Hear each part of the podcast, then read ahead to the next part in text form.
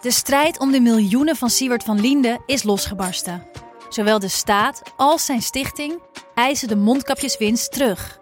Maar dat die opbrengst in ieder geval niet thuis hoort bij Van Linde, daarover kan toch eigenlijk geen twijfel bestaan. Hoe kon het zo ver komen? Dit is het. We hebben beet. En als Siewert het geld teruggeeft, kunnen wij dit schandaal dan eindelijk loslaten? Je hoort het in de Mondkapjesmiljonairs, exclusief bij Podimo. Ga naar podimo.nl/slash mondkapjes.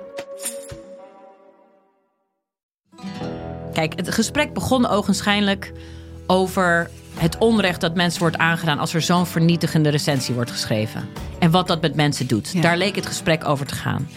Maar gaandeweg, en dat is dankzij goed redactiewerk van mijn eh, redacteur destijds, blijkt dat die test niet deugt.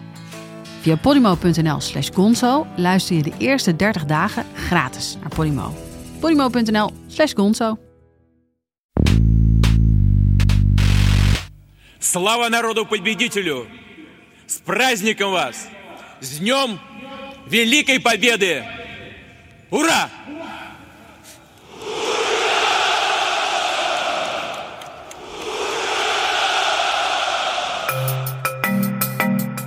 Dit is Betrouwbare Bronnen met Jaap Jansen.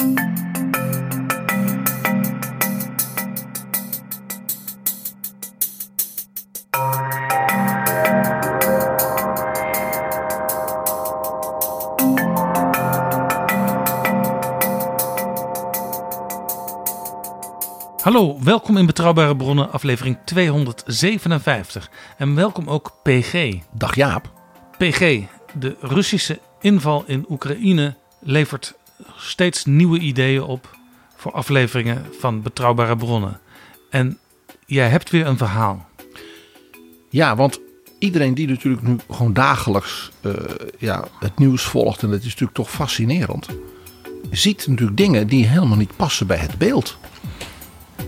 En dat is ook het beeld wat natuurlijk eh, president Poetin, want je moet hem president Poetin noemen, eh, die had dus het idee dat in drie dagen eh, zou het gewoon gebeurd zijn. Want ja, met dat geweldige, grote en machtige Russische leger was dat een, een eitje.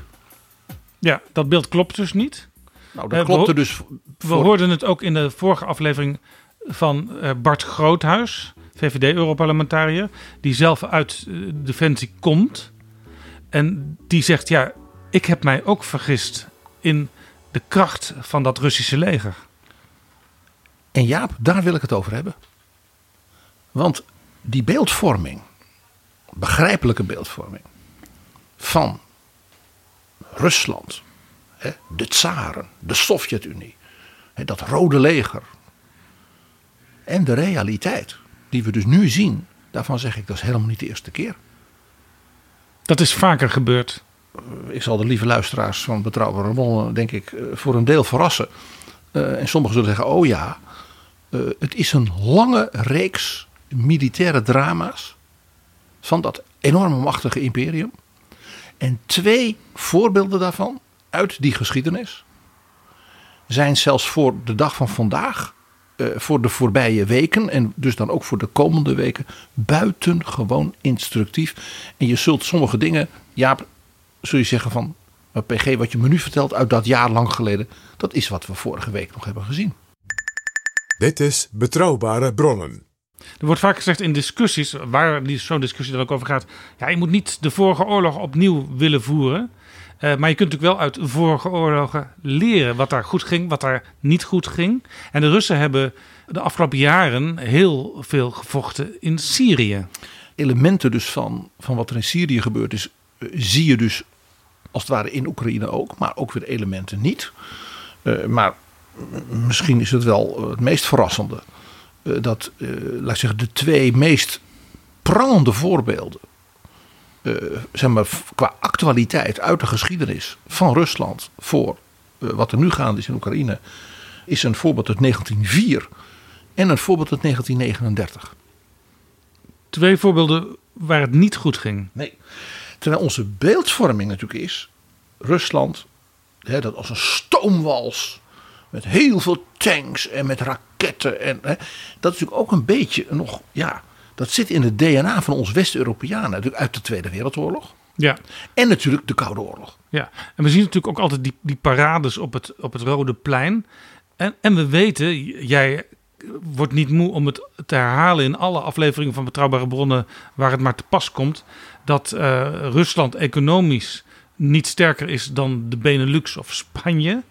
Maar iedereen zegt er dan altijd automatisch bij. Ja, maar het is natuurlijk wel een wereldmacht, want het is een kernmacht. Ja. Dus, dus eh, zeg maar, de, de basis van hun militaire kracht is het kernwapen.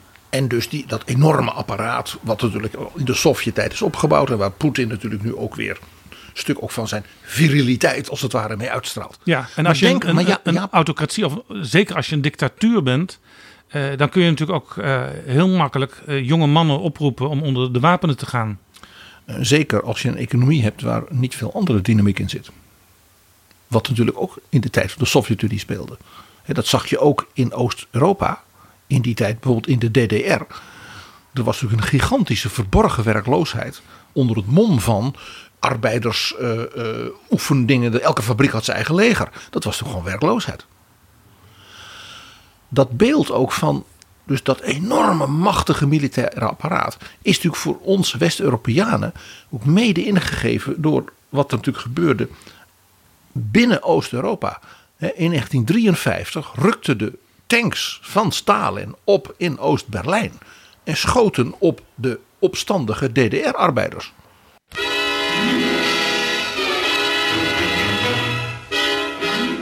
Thousands of German workers riot in the streets of East Berlin, burning Soviet flags and buildings in defiance of their red overlords. A small-scale strike, which began as a protest against an order for more work, quickly developed into an all-out rebellion by more than 15,000 East Berliners. A complete Russian armored division moves in as martial law is declared. British troops keep guard in their own sector, for a red flag was torn down from the Brandenburg Gate, just over the border that divides the two zones. Russian police block all roads into their sector for fear of West Berliners joining the rioters. Some of the demonstrators are believed to have been crushed to death by Soviet tanks.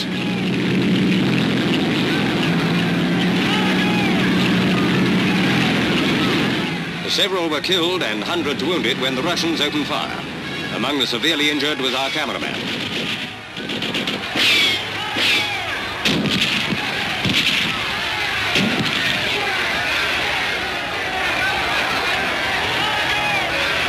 Rioters set fire to police headquarters. Now martial law has been declared in other East German cities. 17 juni was in West-Duitsland ook de nationale feestdag.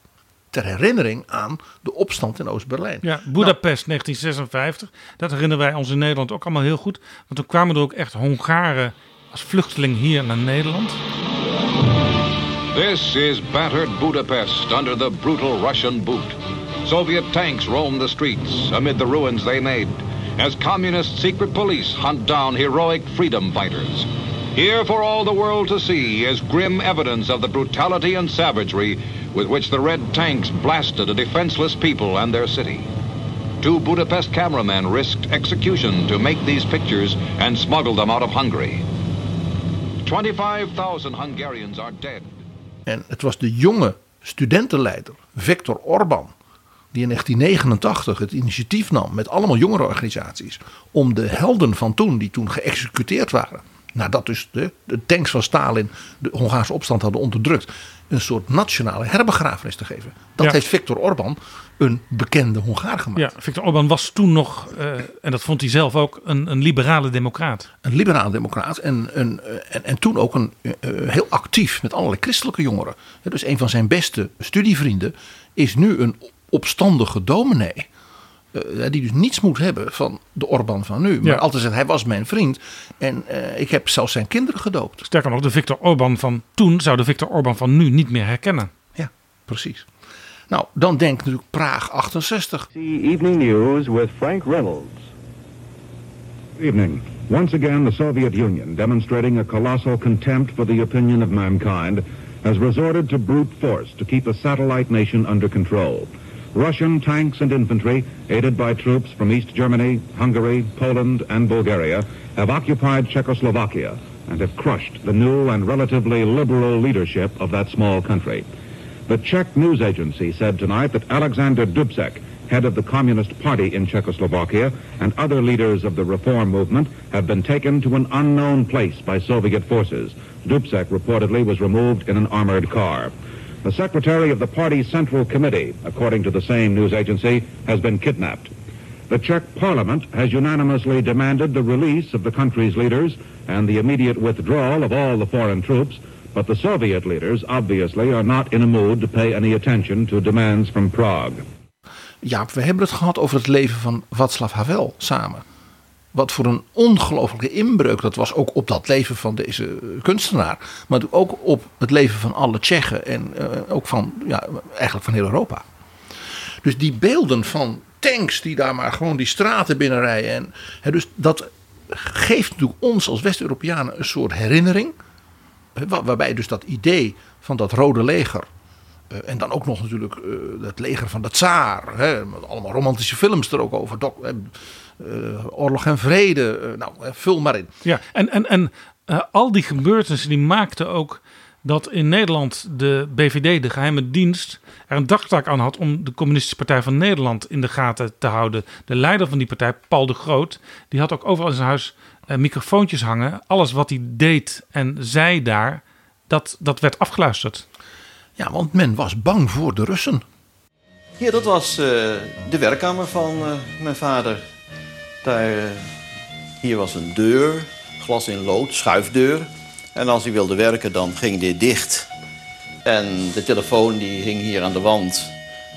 Die werd voor belangrijke gesprekken ook niet gebruikt natuurlijk. Want men wist uh, dat die telefoon afgeluisterd uh, werd. Verder, ja... Oh, aan de, aan de, aan de wand hier een heel groot portret van, van Stalin. Had hij meegenomen uit, uit Moskou.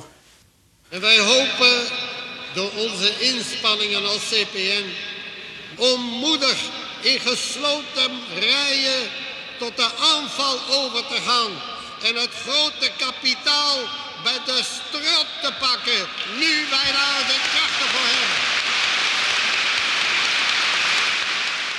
Stel je voor dat de Russen komen. Nou, dat heeft natuurlijk nog een tweede uh, golf gekregen. Natuurlijk in de jaren tachtig.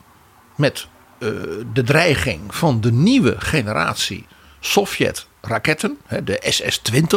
Een mobiel ding, dat dus uh, middellange afstandsraketten. En die konden als het ware uh, in de bossen rijden ja, van Belarus. En dan kon je ze plotseling op de Rotterdamse haven afschieten. Dus moesten er in West-Europa kruisraketten. Nou, dat hele gedoe was natuurlijk onderdeel van die beeldvorming van dat DNA. Van de angst voor dat enorme apparaat.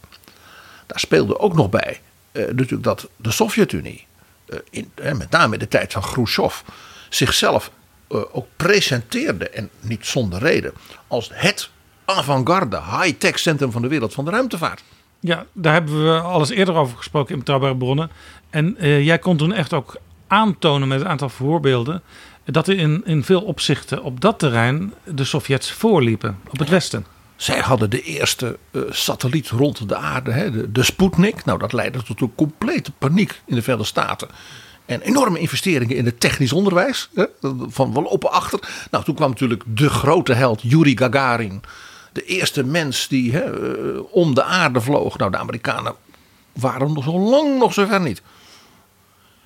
Daarna met Kennedy en vooral ook natuurlijk president Lyndon Baines Johnson. Met die enorme investeringen in Houston, zijn eigen Texas. Ja, werd natuurlijk die NASA en dat allemaal opgebouwd. En haalde Amerika in een aantal jaren de Sovjet-Unie helemaal in. Ja, en toen was het zelfs uh, weer in een fase later zo. Uh, dat Ronald Reagan misbruik maakte van de zwakke economische statuur van de Sovjet-Unie. En door dingen te doen waar in Nederland en in Europa heel veel mensen tegen demonstreerden. Namelijk uh, nog meer wapens uh, te laten maken. En, en, en, en waar de Sovjet-Unie dus mee moest concurreren. Dat werd de wapenwetloop genoemd.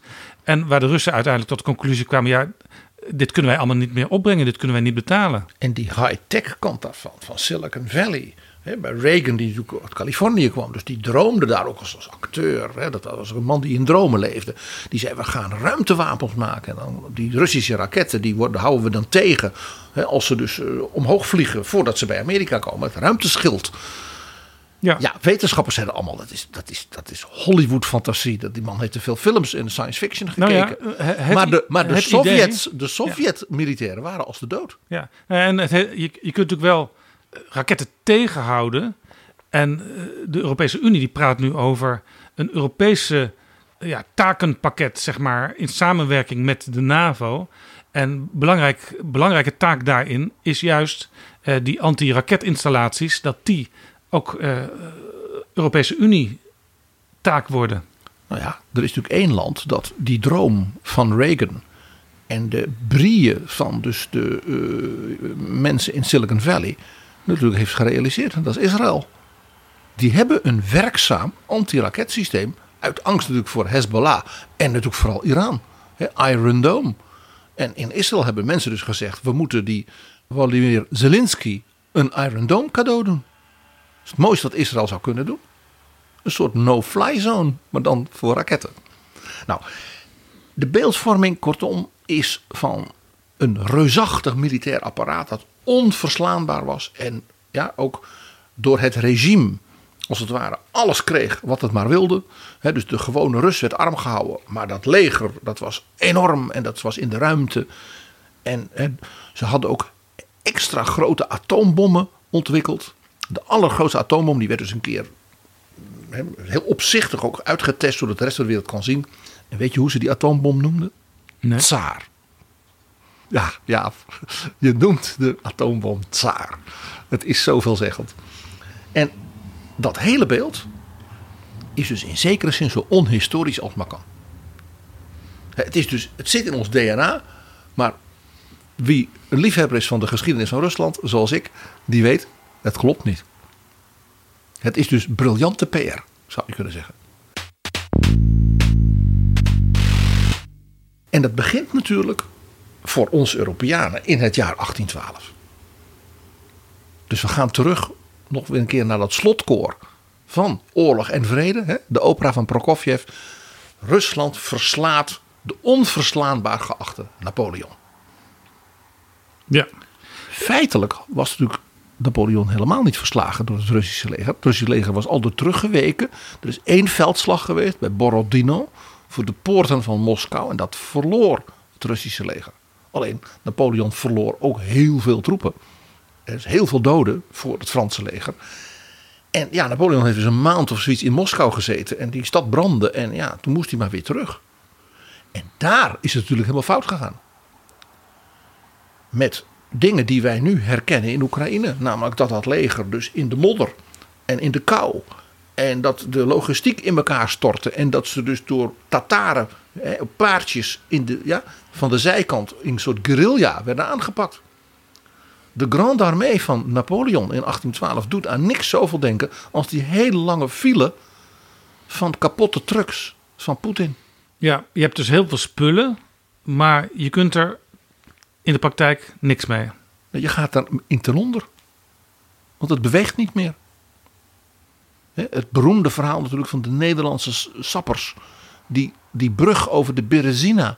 Ja, eh, met, ja, ten koste van hun eigen leven overeind moesten zien te houden. De ijsschotsen die schot klotsten tegen die Ja, brug aan. De Nederlanders die, die voor Napoleon eh, soldaat waren. En zo zijn de resten van de Grande Armée, zeg maar logistiek, eh, bijna instortend nog over die rivier gekomen. Het is een beeld dat we natuurlijk nu herkennen. Dus zelfs dat glorieuze leger van Rusland, van Tsaar Alexander I, hè, waar, eh, waar Tolstoy die roman over schreef en Prokofjev dat, hè, dat juichende slotkoor, dat was feitelijk natuurlijk ook een drama militair. Alleen vervolgens rukten ze op met de steun van Oostenrijk, van Pruisen en met geld van Engeland. En hebben natuurlijk Parijs ingenomen. Ja, welke tsaar kan dat zeggen? Ja. Ik heb Napoleon verslagen, ik ben gefeteerd in Parijs, ik ben bejubeld in Londen. Nou ja, en je verslaat Napoleon natuurlijk ook voor een groot deel op je eigen gebied. Hè? Want Napoleon kon zich niet handhaven in Moskou. Dus in feite, zoals de Oekraïners eh, nu met heel veel kracht, gewoon psychische kracht, aan het vechten zijn. Waar die Russische soldaten eh, eh, zich afvragen, waar ben ik in hemelsnaam in beland? De Poetin van nu is de Napoleon van 1812. Ja. de beeldvorming natuurlijk van de tsaren en hun, hè, Alexander I, zijn broer Nicolaas I en hun kinderen, was natuurlijk, de, wij zijn de bevrijders van Europa en de triomfators over de tiran Napoleon. Natuurlijk. Geweldige schilderijen, parades. Hè? Iets wat we tot de dag van vandaag natuurlijk een beetje herkennen. In werkelijkheid is het beeld dus aanzienlijk uh, uh, zeg maar, genuanceerder. En dat begint, ja, je zal zeggen, PG, daar is hij weer, bij Poetins rolmodel. Tsaar Nicolaas I. Eerste. Ja, dus de broer van tsaar Alexander I. Hè, de bevrijder van Europa. Hè, die dus Rusland weer naar binnen ging, ging trekken. Die angstig was voor invloed uit het Westen. Voor modernisering, democratisering. Uh, die dus wel zeg maar, de liberale economie, maar dan onder zijn greep wilde laten ontwikkelen, maar geen ideeën. En dat ging zo Eigenlijk ver. een beetje à la Xi Jinping nu in China. Ja. Wel economie, economische groei en bloei, uh, maar geen liberale ideeën. En wel greep erop houden.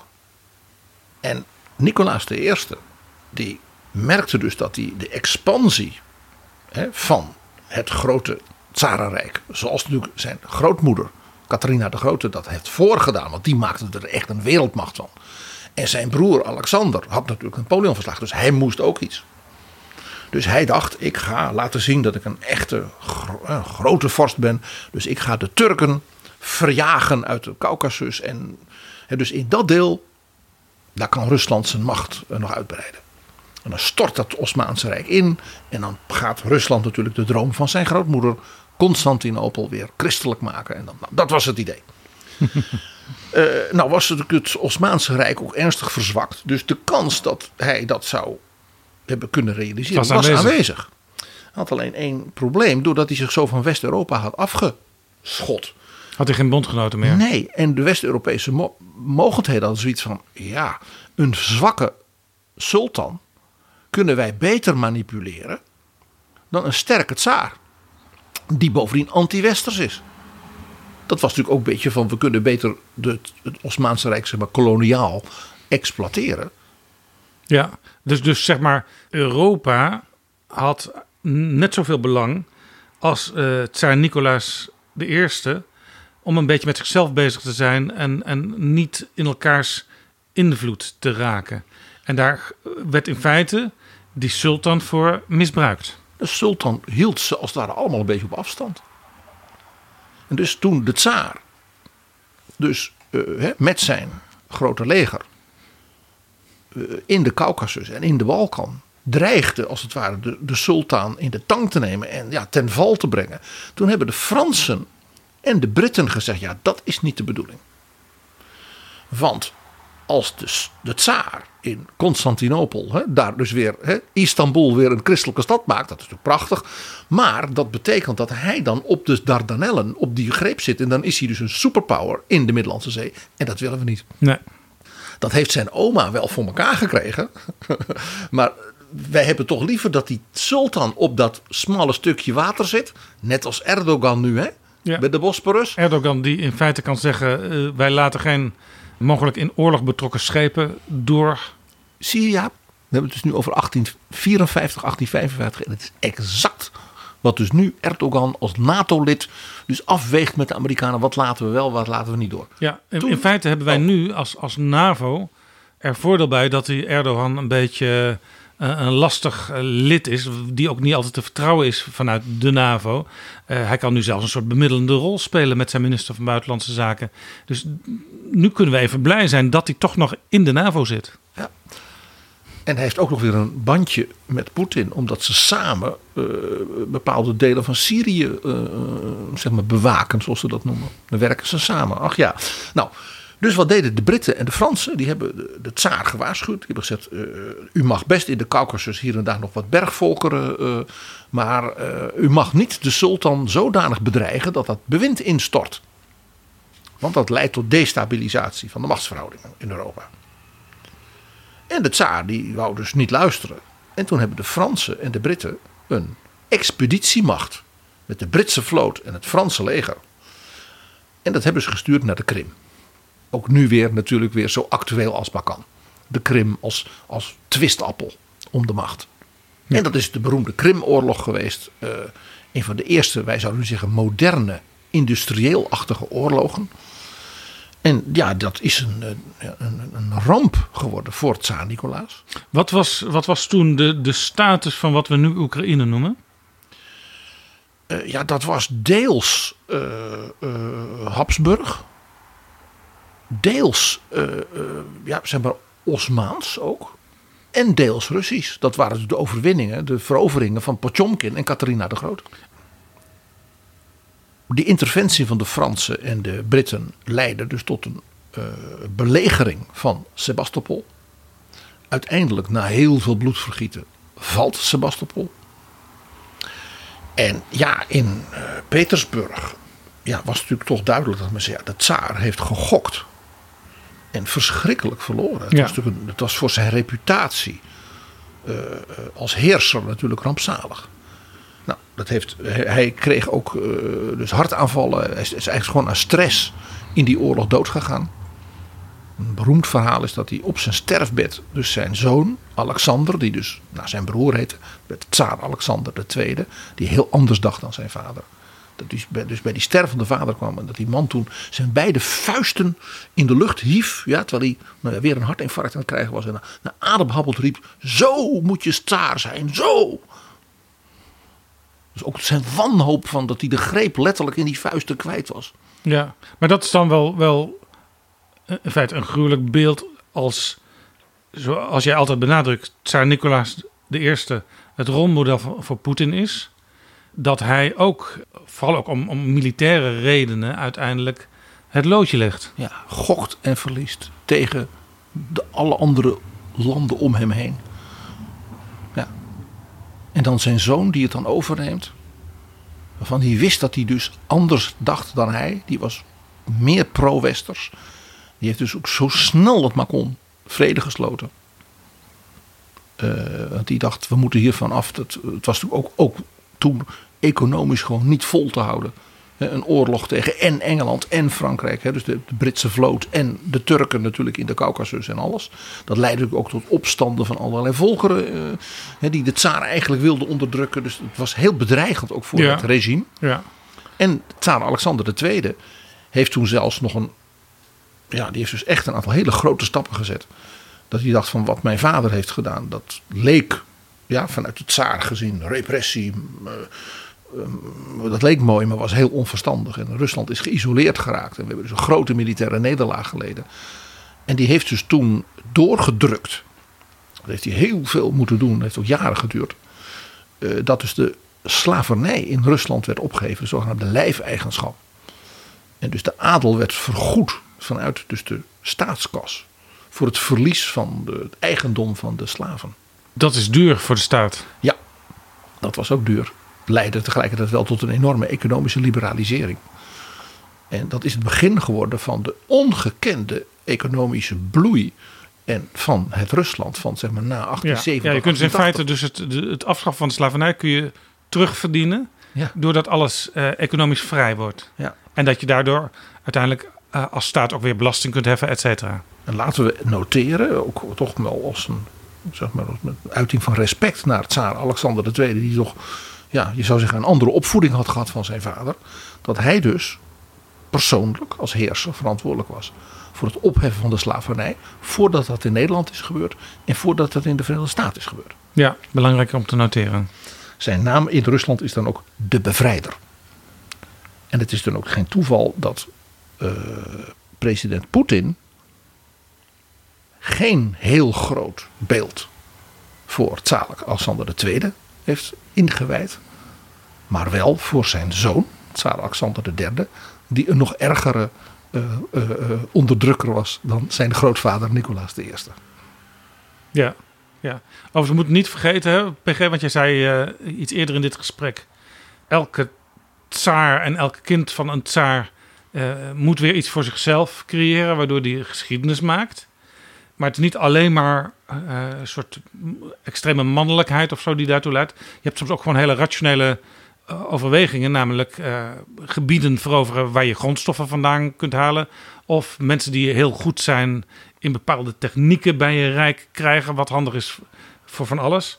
Er zijn ook altijd wel rationele redenen te bedenken. En voor vorsten in die tijd speelde natuurlijk ook de, mag ik zeggen, de artistieke representatie. Dat jij een, groot paleis, een kunstverzameling, opera, dans, ballet. Ja, eh, wat wij, die- dat, is die kant van de Russische cultuur. Die wij natuurlijk ook nu natuurlijk gewoon moeten blijven koesteren, bewonderen en waar we van moeten blijven houden. Dan komt nu, Jaap, de eerste grote les voor Kiev en Zelensky. En dat is onder de achterkleinzoon van Nicolaas I. Die wordt opgevolgd door Alexander II, de bevrijder. Die wordt door anarchisten opgeblazen in zijn koets. Met een bom. Die wordt dus opgevolgd door zijn zoon Alexander III. Dat was, eh, zijn bijnaam was Colossus. Dat was letterlijk ook een beer van een man. En die was helemaal zoals zijn grootvader Nicolaas I, maar dan nog erger. En die werd opgevolgd, want die is helemaal niet oud geworden, eh, door zijn zoon Nicolaas II. Ja, rond de eeuwwende. Ja. En 1900. Tsaar Nicolaas II kennen wij natuurlijk allemaal uit de geschiedenisboekjes als de laatste tsaar. Dat is natuurlijk een diep tragische figuur. Een hele eh, lieve, eh, karakterzwakke, eh, door die vader natuurlijk ook verschrikkelijk gedomineerde en eh, jongen. getrouwd met een tamelijk hysterische prinses. Eh, nou ja, Rasputin, alle verhalen eh, kennen we. Ja, en hij kon eigenlijk de, de, de- hij kon niet omgaan met de, de politieke emancipatie van de burgerij. Nee, er was een tweede belangrijk punt. Hij, was, hij dacht van, ik moet als het ware de glorie van het tsarendom in de moderne tijd brengen. En dat dacht hij door naar het verleden te gaan. Dat, dus er werd bijvoorbeeld het zoveel honderdjarig bestaan van de Romanov-dynastie. Toen, toen werd dus ook alle vorsten uit Europa werden uitgenodigd naar Sint-Petersburg. Dat is een van de allereerste vorstelijke festijnen waar filmbeelden van zijn. Ja, misschien is het leuk om te kijken of we die eh, bij de show notes kunnen doen. Ja, want er zijn ongetwijfeld geen audio van. Nee. En, en, en toen, moest, toen ging dus iedereen ook in 16e en 17e eeuwse kledij eh, feest vieren. Dus dat had iets, ja, iets nostalgisch, iets, maar dus ook diep reactionair. En het was niet meer van ja, de 20e eeuw. En ja, hij zocht dus als jonge tsaar eh, ja, om zich te bewijzen, ook ten opzichte van natuurlijk die vader en die grootvader, die natuurlijk ja, door de Russische eenvoudige boeren natuurlijk werd vereerd als onze bevrijder. En ja, dat ging dus niet door democratisering, want dat was natuurlijk een aantasting van zijn bewind. Ja. Dus hij zocht een uitweg buiten de grenzen. En er was, er was geen Torbekke in de buurt. Nee. Die hem een handje kon helpen. Nee, nee, die is er later gekomen, maar die is toen vermoord in een operahuis alweer. Terwijl hij net de tsa- de tsaar een hand had gegeven na de voorstelling en toen is hij in de foyer doodgeschoten. Ach ja, Jaap. Eh, er waren twee mogelijkheden voor de tsaar. Dat was natuurlijk in de Balkan. Het toch weer, net als met de Krimoorlog, dat vervallende Turkse Rijk. Maar ja, de Turken hadden inmiddels natuurlijk een bondgenoot in het Duitse keizerrijk. Van Wilhelm II. En dat was natuurlijk de nieuwe superpower in Europa. Met zijn nieuwste technologie, nieuwste. Hè, Duitsland was natuurlijk de nieuwe krachtige mogelijkheid. En dat steunde natuurlijk Habsburg. En dat was natuurlijk een oude vijand in de Balkan van Rusland. Dus ja, om daar nou. Dus daar moesten ze maar van afzien. De andere mogelijkheid was natuurlijk in wat wij nu zouden zeggen Midden-Azië, de zijderoute. Daar hebben de Russen zeer intensief zich dus ontwikkeld. Ook een enorme expansie in wat wij nu noemen Kirgizië, Tajikistan, Oezbekistan. Eh, en daar was hun grote vijand natuurlijk Engeland. Want de Britten zaten in Indië en die wilden natuurlijk een bufferzone van zoals Afghanistan en Perzië en zo daaromheen om dat koloniale, koloniale rijk te beschermen. Ja, ja. Hier, dit dit is even interessant om te, te markeren. Het begrip bufferzone of bufferstaat. Wat ook in de discussie rond Oekraïne vaak terugkomt. Ik noem het niet voor niks. Maar dat komt dus uit de tijd van de grote koloniale empires. Die als het ware dan niet aan elkaar wilden grenzen. Maar daartussen een soort vage zone, bufferzone. Ja, wat soms ook wel eh, weer lucratief kon zijn voor zo'n bufferland. Want die konden met beide zaken doen. er zijn allerlei landen die vorsten die daar, als je daar heel slim in was, kon je jezelf zeer ontplooien. Zoals in feite Zwitserland dat in Europa eh, ja, tot op de dag van vandaag zou je kunnen zeggen doet. En zoals Nederland ook heel lang geprobeerd heeft vol te houden. Als neutraal land in Europa. In Azië wijs ik even, maar anders we dwalen af Jaap, op Thailand. Ja.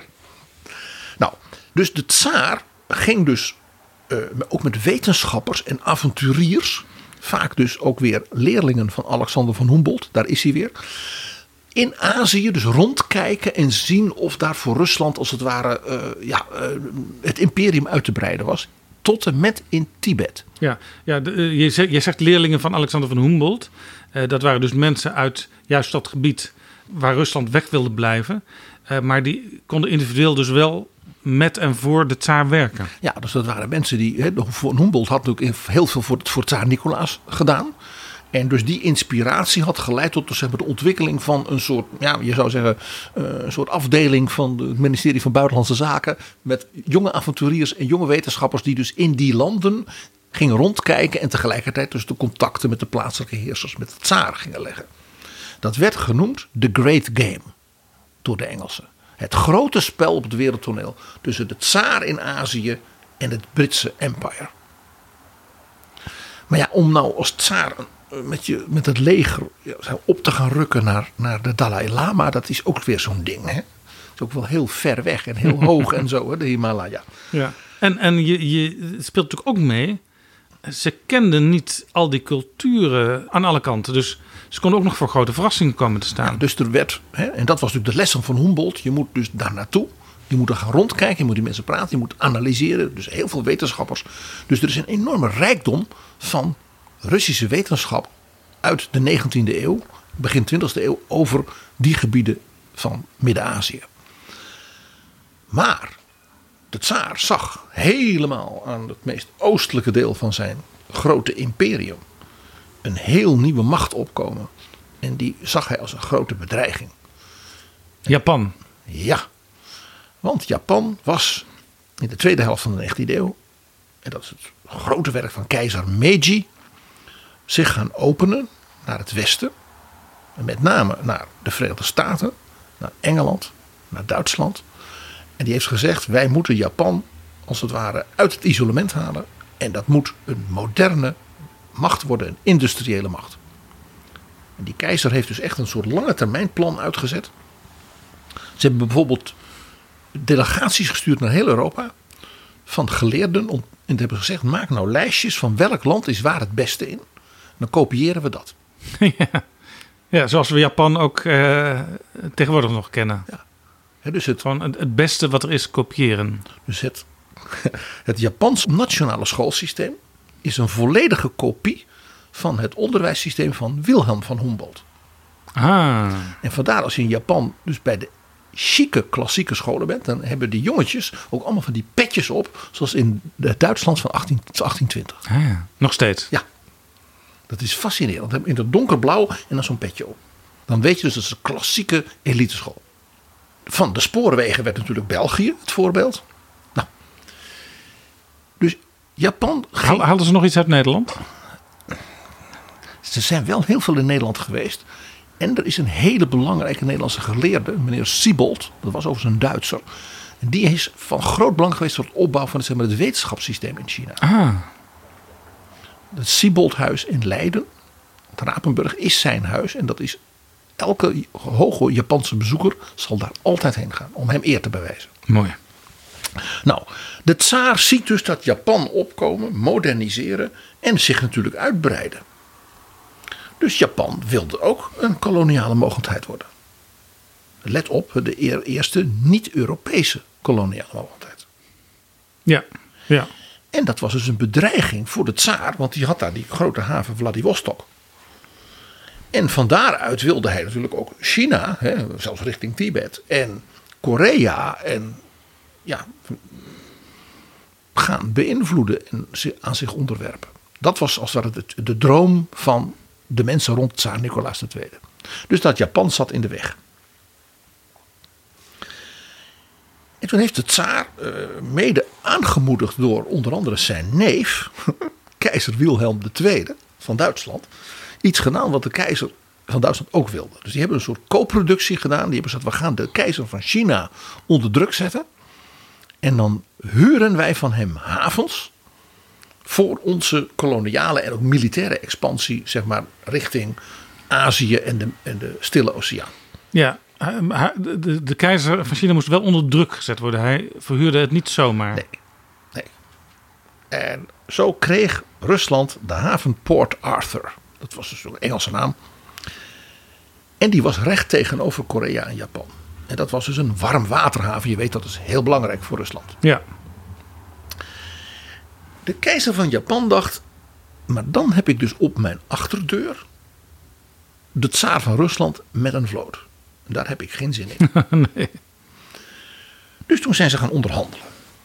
En de Russen dachten, dat is mooi, die de Japanners zijn dus bang voor ons. Ze gaan onderhandelen, ze zijn bang voor ons. Ook hier weer dingen die je herkent. Hè?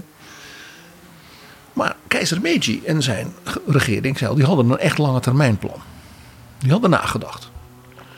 Dus toen duidelijk was voor hen dat de Russen bij die onderhandelingen helemaal niet van plan waren een soort compromis te sluiten. Maar in Petersburg dachten de Japanners zijn bang voor ons. Onderhandelen is een teken van zwakte. Toen hebben de Japanners gedacht, dan kunnen we ook een ander vaatje tappen.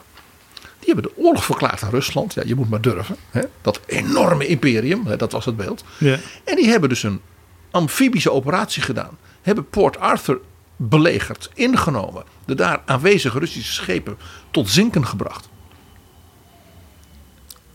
En ja, dat was natuurlijk niet waar Sint-Petersburg op gerekend Maar was dat voor Japan niet een enorm risico? Eh, want die haven die was gehuurd van de keizer van China. En als je China tegen je hebt als Japan. Dat deed er volstrekt niet toe. China was zo verzwakt toen. Eh, Ook al was het dat, dat grote land. eh, Maar dat was- stelde verder niks voor. Nee, nee, nee. nee. Het was helemaal, helemaal weggezakt. Vandaar dat die Russen ook makkelijk daar die haven En zelfs de Duitse konden huren. Ja. De Russen dachten van, wij moeten Japan straffen. Ja. Dus dat doe je dan over land en over zee. Maar ja, over zee was lastig, want ja, die haven was ingenomen. Dus de tsaar besloot dat de Russische marine, dus de oorlogsschepen, die waren gelegerd in de Baltische landen. Dus, dus in de Oostzee. Dat die als een expeditie, dus door de Sond, dus dan moesten de Denen en de Zweden moesten dat goed vinden. Nou, die wouden geen ruzie, die zijn vooruit maar. Helemaal om Engeland heen, om Afrika heen. De eerste haven waar ze terecht konden was Madagaskar. Want Frankrijk zei, ja, we zijn neutraal, maar de tsaar is toch ook een vriend. Ja, ja. En de tweede haven waar ze kwamen was de grote zeehaven van de Franse vloot in Vietnam, in Indochina. Dus de tsaar liet zijn vloot uit de Oostzee, tientallen ja, kruisers en wat dan niet, de hele wereld omvaren om Port Arthur te heroveren. Ja, wat ook best wel een risico is voor de tsaar. Want die spullen die heb je dan niet thuis gereed om eventueel jezelf te verdedigen. En wat wisten de admiraals? Die alles wisten van, zeg maar, waar de zandbanken waren voor de kust van Estland. Wat wisten die van de zee van Korea? Helemaal niks. Nou, een andere trafexpeditie was natuurlijk dat het leger van de tsaar in Manchurije inviel. En de Japanse provincies die daar van China in feite Japans waren, natuurlijk ging veroveren. Dat leidde tot een enorme nederlaag. Waarbij de Japanse troepen zelfs de hoofdstad van het Russische deel van Manchurije hebben belegerd. En toen heeft het Russische leger is toen zelfs gevlucht.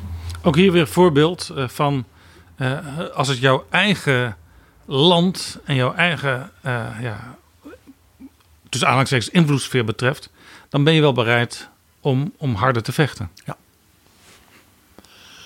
Nou, na dus die verschrikkelijke militaire nederlaag in Manchurije van het leger, kwam dus die vloot aan. Met een enorme, dat was echt varen, op Madagaskar. Maar ja, dan ben je aan de zuidpunt van Afrika. Dan ben je nog niet in de zee van Korea. En de commandant, de admiraal van de Russische vloot, krijgt daar dus het eh, telegraafverkeer. Met daarin de mededeling dat zijn collega-admiraal van Port Arthur. eh, dat, ja, dat hij eh, er niet meer was. Hmm. En dat die vloot er ook niet meer was. Dus toen dacht ik, ja, wat kan ik? Ik kan dus niet meer naar Port Arthur. Of ik moet met, met mijn vloot die haven ja, gaan belegeren. Maar zo'n vloot had hij niet. Dat was een gevechtsvloot, niet een amfibische vloot. Nee. Dus er zat maar één ding op. Of hij moest van Madagaskar weer terug naar de Oostzee. Ja, dat is, zo'n onvoorstelbare vernedering. Dan wel van Madagaskar. Inderdaad, wat de Fransen hadden gezegd. U kunt dan bij ons in Vietnam weer kolen eh, hè, inslaan. Want dat, dat moesten ze. En dan via Singapore. En dus de Zuid-Chinese Zee. En Korea naar Vladivostok. Nou, je begrijpt, eh, eh, admiraal Tojo van Japan, ja, die kon ook op een kaart kijken. En wat Toen- zag hij? Toen die dus hoorde dat de Russische vloot uit de Oostzee in Madagaskar was vertrokken. En een tijd later dus in Vietnam aankwam. En daar dus weer hè, 500.000 ton kolen, want over dat soort dingen hebben had ingeslagen. Kon hij uitrekenen, nou die gaan dus naar Vladivostok. Hoe kom je in Vladivostok vanuit Vietnam? Via de Zuid-Chinese Zee en Korea. Ja. Dus de Russische vloot ging alleen s'nachts varen. Want dan kon, hè, dan kon ze niet gezien worden. Was het idee. En dan, dan zeiden ze, dan kunnen we in die smalle eh, strook. Tussen Japan en Korea. Hè, dan kunnen we daar doorvaren en dan komen we in Vladivostok. Dus de Japanse admiraal is gewoon zo, nou we wachten gewoon. Tot ze er zijn. En dat was de Tsushima-straat. En op een bepaald moment krijgt dus de admiraal een telegram. We hebben de eerste schepen gezien. Dus we kunnen uitrekenen dat ze zeg maar overmorgen zo laat ongeveer langskomen. Ja. Dus de Japanse vloot is gewoon keurig eh, zeg maar, langs twee kanten gaan liggen. En zoals die file van trucks en tanks van Poetin in Oekraïne kwam dus die vloot gewoon één voor één keurig s'nachts. Het is heel stil, ja. Voorbij varen. En de vloot van de tsaar, van meer dan 50 oorlogsschepen, daar zijn er drie kleine bootjes hebben Vladivostok gehaald. En de rest is dus eh Naar de bodem van de zee. Er zijn 5000 Russische matrozen verdronken. De Japanners hebben drie kleine soort torpedojagers die dan in 116 doden. Ja. Eh, enorm verschil. Een disaster. Geen ander woord te gebruiken. Dus, dus die tsaar die kon geen kant meer op. Nee. Die, die, die, die was eigenlijk alles kwijt. Eh, Zijn hele idee eh, van die verovering was in, in, in, ja, letterlijk in het water gevallen. Ja. En er was nog iets, want ja, we hebben het al vaker gezegd. Hè? All politics is local en das primaat der innenpolitiek. Bij de val van Port Arthur en de nederlaag van het leger van de tsaar in Manchurije waren natuurlijk al heel veel mensen gesneuveld. Dus die berichten kwamen binnen in Moskou en in Sint-Petersburg. En ja, dat was natuurlijk een, een afgang politiek voor de tsaar. En leidde dus tot enorme demonstraties van mensen van onze kinderen worden vermoord en we stop de oorlog. Ja, ja dit, is ook, dit is ook precies waar Bart Groothuis het over had in de vorige aflevering van Betrouwbare Bronnen. Dat deze nederlaag van de tsaar en ook het idee bij de bevolking van ja, wat moeten we nog met deze leider? eh, Dat dat uiteindelijk, maar pas veel later, ertoe leidde dat hij door de Bolshevisten opzij werd gezet. Maar al in de winter van 1904-1905 ontstonden er zulke grote demonstraties, opstanden, stakingen, dat het regime van de tsaar opvallend stond. Eh, Ook omdat men natuurlijk zei van, eh, met name ook de generaals en zo, zeiden van ja, deze Nicolaas II is een, een flut tsaar. Die kan er helemaal niks van. En heeft hij die gekke hysterische vrouw die hem voortdurend opjaagt. Dus er ontstond dus groot gedoe. En toen is op zondag 9 januari 1905, onder aanvoering van een zeer geliefde monnik, heeft dus iets van een miljoen eh, Russen met kruisen en iconen, zijn ze dus naar het Tsarenpaleis gelopen in Sint-Petersburg en gesmeekt om vrede en om brood. Want de economie stort natuurlijk ook in. Eh, en, en hè, vader Tsaar, ja, denk aan ons, uw kinderen. En allemaal nou ja, op hun knieën en bidden. En ja, de tsaar was zo bang, toen heeft hij ze dus overhoop laten schieten. Gewoon eh, kapot schieten. Ja, dat heet de bloedzondag. En daarmee was de tsaar natuurlijk ook zijn, zeg maar, je zou zeggen, traditionele, ook religieuze steun en verering van het volk kwijt. Ja, dus, dus eh, de hoge militairen, eh, de elite ook, de, de opkomende burgerij. En nu ook de gewone vrome Rus. Ja, alle steun was hij dus kwijt. En in normale omstandigheden is dit zeg maar het begin, tenminste dat hebben we in West-Europa gezien, van eh, liberale democratie. Dus de tsaar kon nog maar één ding doen. Roepen van we moeten bidden en het is verschrikkelijk wat hier gebeurd is. En wij moeten als volk nu eensgezind zijn. En ik kondig af dat er een Duma gaat komen. Dus een parlement. En hij had natuurlijk altijd gezegd dat het er nooit zou komen. Want God wilde dat hij voor Rusland eh, als vadertje. Hè, Ja, en hij had goddelijke inspiratie, dus hij deed sowieso de goede dingen. Wat ook de Russen aannamen. Ja, en waarin hij ook door de, door de geestelijken gesteund werd. Natuurlijk, en de traditie en de, en de grootsheid natuurlijk van, hè, dat straalde ook op, op hem af. Men zag dus, het is klatergoud. Deze man. Ja. Dus die Duma heeft hij ook persoonlijk geopend met een toespraak. waarin hij dus gewoon ei- eigenlijk zei: Ik wil jullie helemaal niet. Die Duma was- werd ook een enorme mislukking. Er ontstond niet een soort poldercompromis van laten we het nu proberen samen uit de ellende te komen. Die Duma-leden hadden nog niet de kracht om zich daartegen te verzetten. Nee, er was natuurlijk nog geen politieke partijen. Er, was nog, er ontstond toen wel heel snel een soort, wij zouden nu zeggen, een modernere civil society, want die ging zich organiseren. Eh, en ja, de tsaar moest natuurlijk nog één ding doen. Hij moest om vrede smeken. Bij de keizer van Japan. Ik bedoel, wat een. Daar, daar, daar kwam ook eh, de Amerikaanse president Theodore Teddy Roosevelt om de hoek kijken. Ja, dat is iets heel bijzonders. De, de tsaar had natuurlijk een psychologisch probleem. Stel je nou voor dat hij de koning van Engeland moest vragen: van, Wil jij een goed woordje voor me doen bij de keizer van Japan? En dat was te vernederend. Ja, vanuit dus die, mag ik zeggen, autocraten manier van denken. Ja, ja al, al, al die landen waar hij gedoe mee had gehad, of nog gedoe had. Zijn Ja. collega-vorsten. Ja.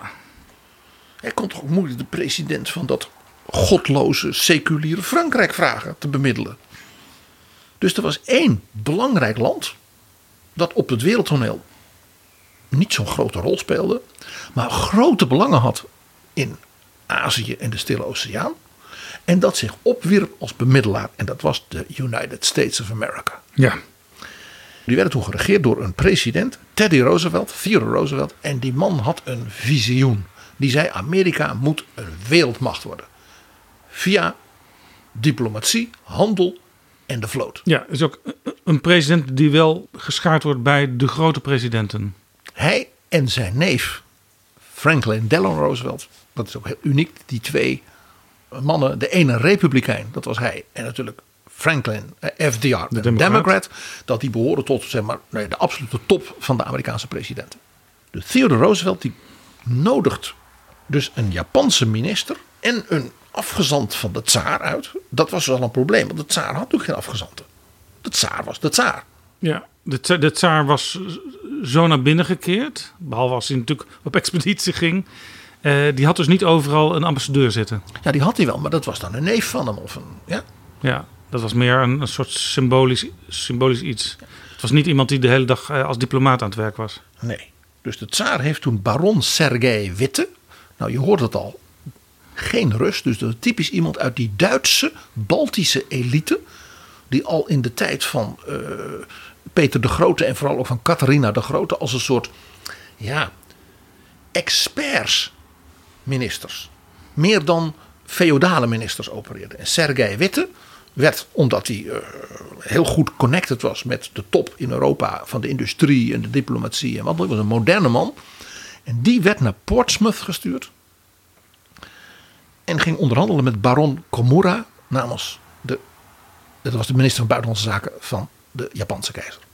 En op 5 september 1905 werd op de Naval Shipyard, dus op de marinehaven van Portsmouth in Amerika, de vrede getekend. En ja, Rusland heeft gewoon moeten inleveren. Ja. Daar kwam het op neer. Ja.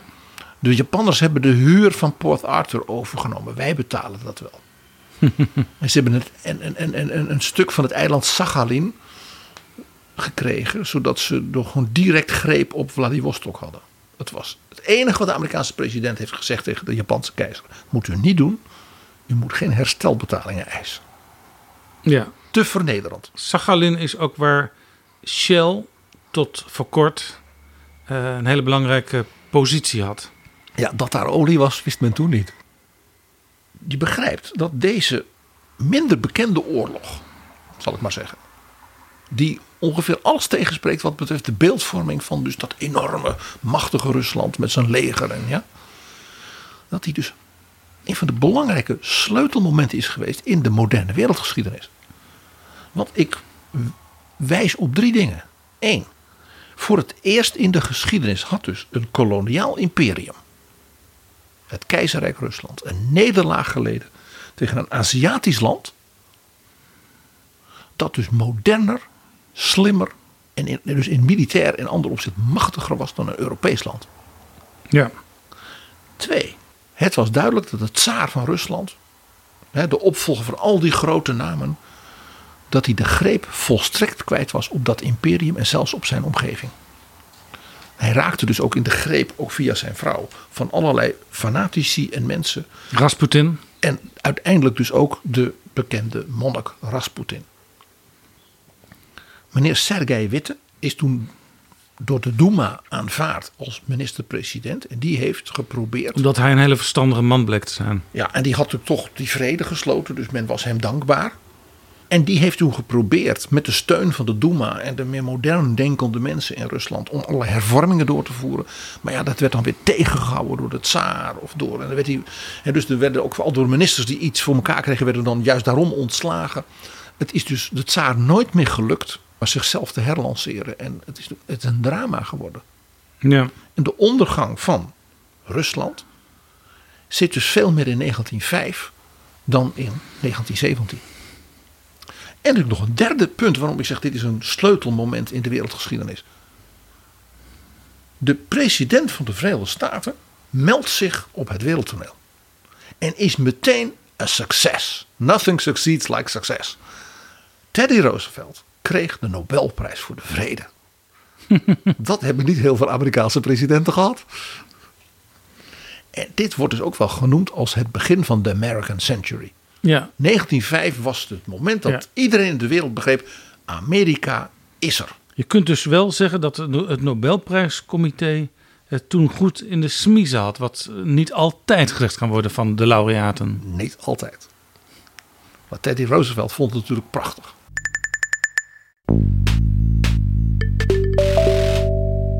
Dit is Betrouwbare Bronnen, een podcast met betrouwbare bronnen.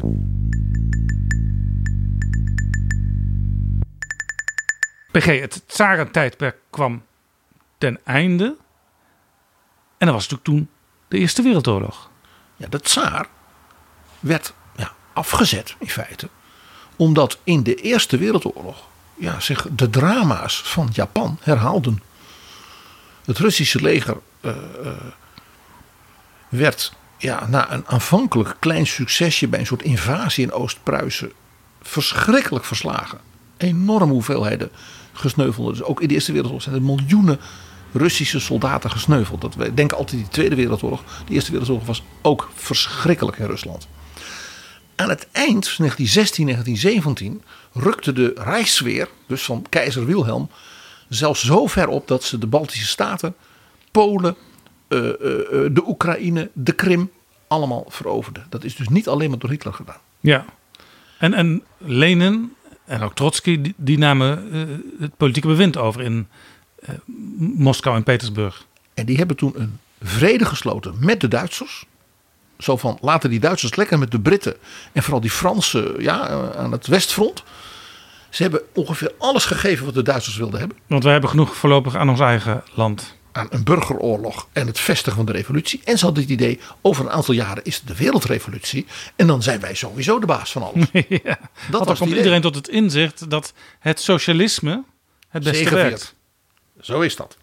Want dat is, nu eenmaal historisch eh, vastgelegd. Dat is volgens de wetten van de economie zoals Marx ze heeft geanalyseerd. Het wetenschappelijk bewezen politiek systeem. Onthoud dat.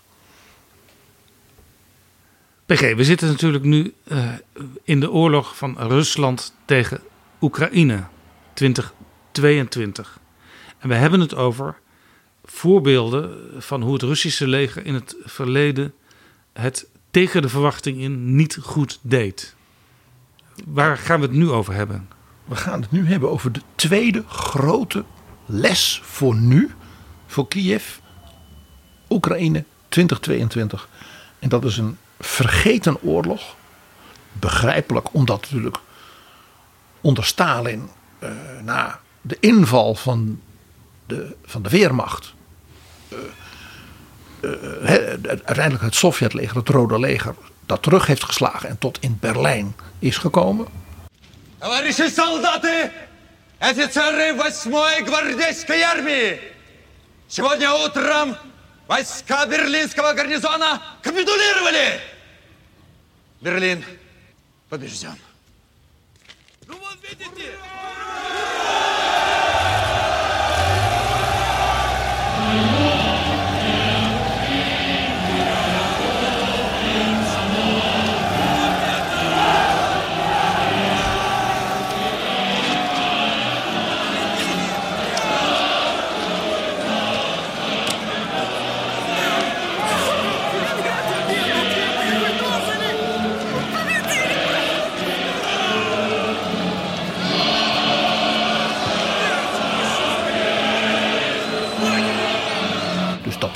ons de beeldvorming van die moloch, die oppermacht van Stalin en zijn legers natuurlijk beïnvloed. Ja, net Maar zo'n- daarvoor- Net zo'n belangrijke eh, rol in de nationale mythevorming heeft die Tweede Wereldoorlog gespeeld. En de overwinning op Nazi-Duitsland, zoals eerder de overwinning op Napoleon. Inderdaad. Maar daarvoor was er een oorlog die voor Oekraïne nu buitengewoon instructief is. En die is een beetje vergeten. En dat is de oorlog tussen de Sovjet-Unie en Finland. Tussen 1939 en 1940. Finland, het land dat grenst aan Rusland. En dat is een hele lange grens, want Finland is een heel groot land met heel weinig mensen. Dus dat was voor de Sovjet-Unie met dat rode leger van Stalin een eitje. Dachten ze. Dachten ze. Wat gebeurde er? Stalin tekende, het is bekend, zijn pact met Hitler. Ja, het Molotov von Ribbentrop-pact. In augustus 1939. En in een geheime bijlage, daarin hadden ze gewoon verdeeld wie krijgt wat. En Hitler had gul gezegd tegen Stalin, dat Finland dat is voor jou. Eh, Estland en Letland is ook voor jou. Litouwen grenst aan Oost-Pruisen. En is katholiek. En daar zit ook aan Polen vast. Dus dat is dan voor ons. Met dus de helft van Polen. En die andere helft van Polen is dan voor jou. En jij mag ook Moldova hebben. Zoals wij dat nu noemen. Moldavië. Dat was toen een gebied van Roemenië. Het zijn dus ook Roemeense, is ook een Roemeense bevolking daar. Ja, ja het, het ligt ook gewoon naast Roemenië. Ja, ze spreken ook dezelfde taal. Dus Stalin die dacht, nou, mooi, goede deal. En ik heb dus vazal en bufferstaten extra en die krijg ik van Hitler. Die mensen die dus vandaag de dag van die verhalen houden, ik noem ze maar de Poetin-versteer. Van ja, dat kun je toch de Russen niet kwalijk nemen dat ze die Baltische landen en dat Moldova. Wat die dus zeggen, die valideren en erkennen het Molotov-Ribbentrop-pact. Ja. En die zijn ook in Nederland. Dat zijn dus ook mensen, bijvoorbeeld bij Forum, bijvoorbeeld bij Salvini, bijvoorbeeld bij Le Pen. Dan vind je dus ook Hitler een prachtige vent. Dan vind je het een prachtige vent. Jaap, denk nog even aan het verhaal van Kaja Kallas in het Europees Parlement. Ja. Over haar grootmoeder en haar moeder. Hoe die als mensen in Estland, dus in de Gulag-archipel, dat bijna ten onder gingen. Ja, gedeporteerd naar Siberië. Terwijl de Russen, ook heel veel Russen, juist naar de Baltische Staten deporteerden om daar meer greep op te krijgen. Die mensen wilden daar ook niet vrijwillig heen, voor alle helderheid. Stalin die ziet dus Hitler eh, Polen binnenvallen met alle ellende. Hij pakt die Baltische landen en Stalin denkt, Hitler let even niet op. Dus die pakt ook Litouwen nog even. Wat Hitler eigenlijk voor zichzelf had gereserveerd. En hij zegt, ja die Finnen, ja die eh, mag ik nu eh, hè, als buffer en vazal behandelen. Ja. Dus Stalin die meldt zich bij de Finse regering in Helsinki. Die zegt, ik wil het volgende van u hebben. Eh, er is een prachtig groot eiland voor de kust bij Helsinki. En dat wordt de nieuwe vloothaven van de Sovjetmarine. Nu gaat u voor 50 jaar aan mij leasen. Hano heet het. Hij zei ook, eh, eh, ik wil geen last hebben van dat Finse leger. Dat staat bekend als goed geoefend en geoutilleerd. Eh, dus de Finse regering moet defensie maar min of meer afschaffen. Wij beschermen u wel. Dan hebt u helemaal geen soldaten nodig als Finland. En ik wil ook nog een aantal annexaties. Er is een eiland daar helemaal in het noorden dat bedreigt de toegang naar Moermansk. Dus dat is van mij. En ik wil dat uw grens die di- tot dicht bij Leningrad komt, gewoon een kilometertje of dertig opschuift. Dit doet me ook denken aan heel veel dingen die Poetin nu zegt tegen Oekraïne. De Maak je geen zorgen, maar lever wel alles waaraan jullie inmiddels gewend zijn, lever dat in. En ik bescherm jullie toch. Want jullie horen toch bij ons.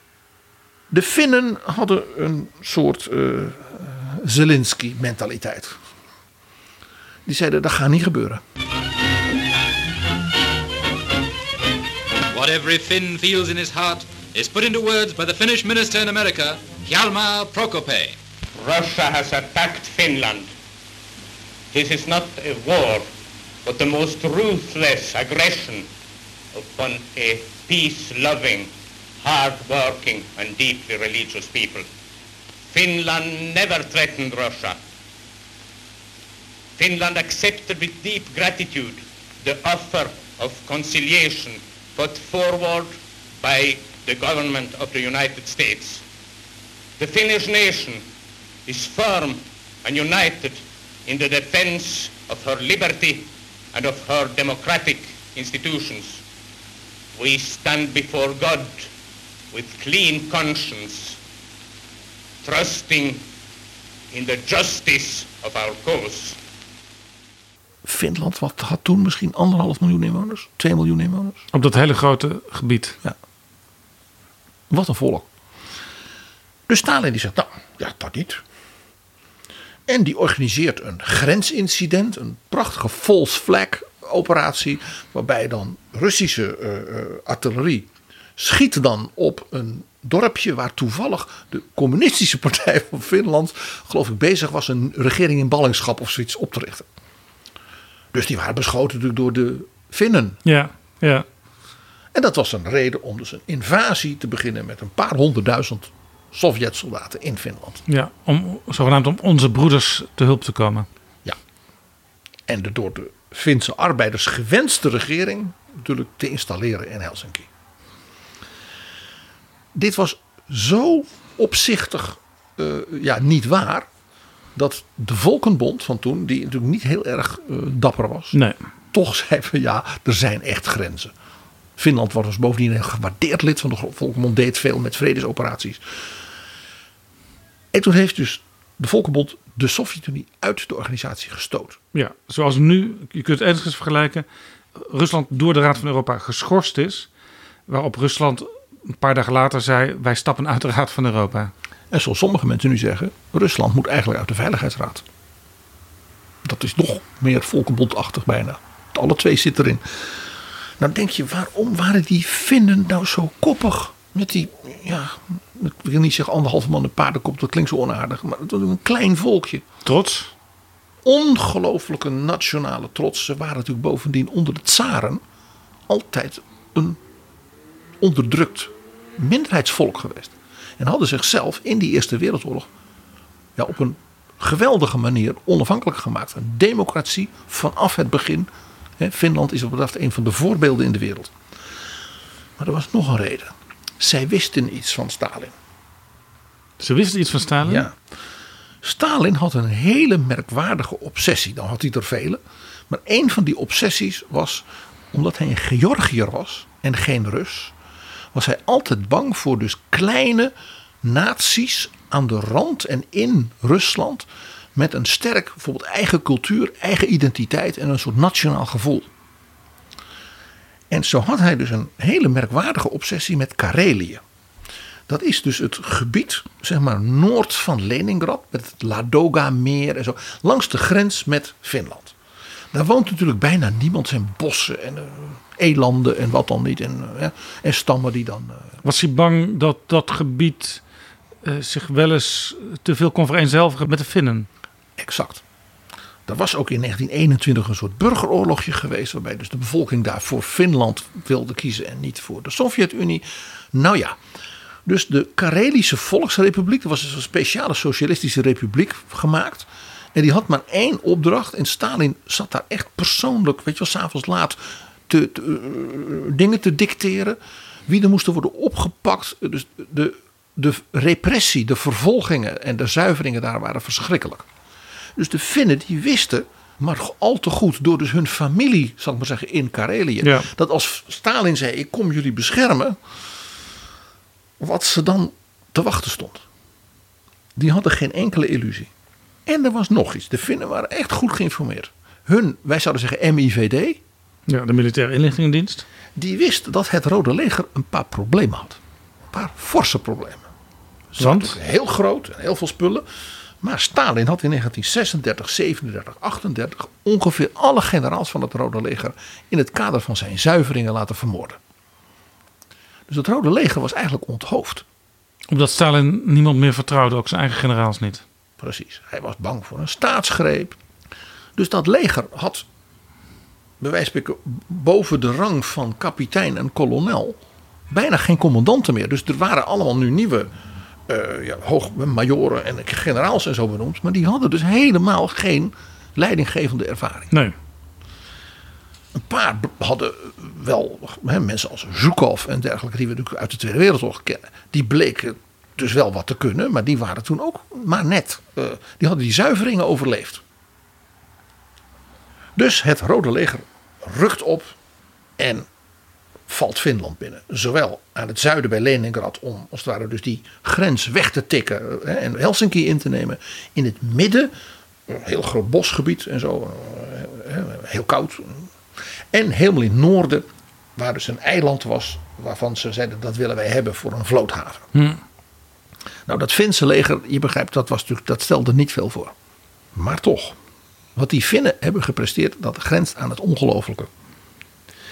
Eerste wat ze deden, was dat ze dachten: wij gaan ons zeg maar, georganiseerde professionele leger, dat zit daar in het zuiden, zeg maar, voor Helsinki, als een soort blokkade. Ja. En daar hadden ze allemaal geweldig gebouwde fortificaties. Ja, in het gebied waar de meeste mensen wonen. Ja, waar de mensen wonen, precies. En het Rode Leger rukte dus op, maar dat was dus een puinhoop.